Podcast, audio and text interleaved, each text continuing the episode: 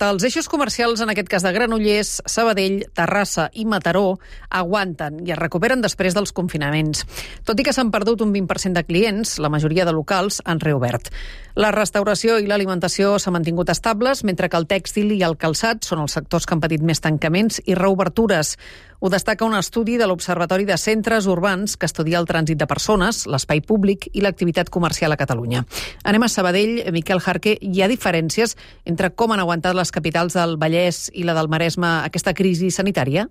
Hola Marta, bon dia. Doncs mira, tots els eixos, si fa no fa, recuperen de forma molt similar, inclosos els de Vic o Olot, que també s'han estudiat, però hi ha singularitats. Per exemple, a Granollers, 9 de cada 10 locals es mantenen oberts i també s'estan recuperant els clients. Ho explica Montse Causa, de Granollers Centre. Ens hem trobat que del 2019 cap al 2020 hi va haver-hi una caiguda molt important de 123.000 persones. Vam passar a 80.000, és una caiguda molt important d'un 35%. Llavors ens hem trobat el 2021 en què estem recuperant un 10% més ràpid aquest flux de vianants que ja passaven històricament per al, per al centre de Granollers. Per contra, Granollers ha patit molt els confinaments municipals perquè depèn molt del client de la resta del Vallès Oriental.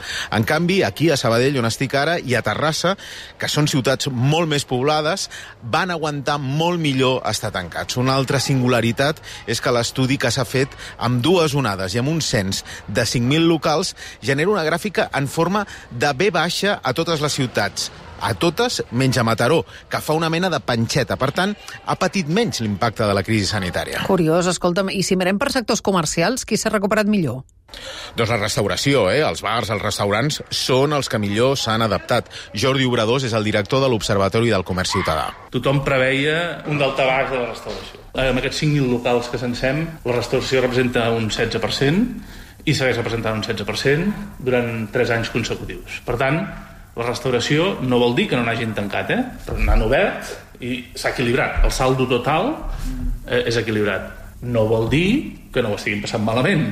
Per això serà vital veure com acaba l'any, per exemple, quin impacte tenen els comptes, els pagaments, els crèdits ICO, i si l'estiu acabarà compensant tot, tot plegat. El sector que ha patit més és la moda i el calçat. S'han tancat moltes botigues, però afortunadament se n'estan obrint de noves, tot i que de moment el sector encara no s'ha recuperat del tot. Doncs esperem que ho faci. Gràcies, Miquel, bon dia. Adeu, molt bon dia.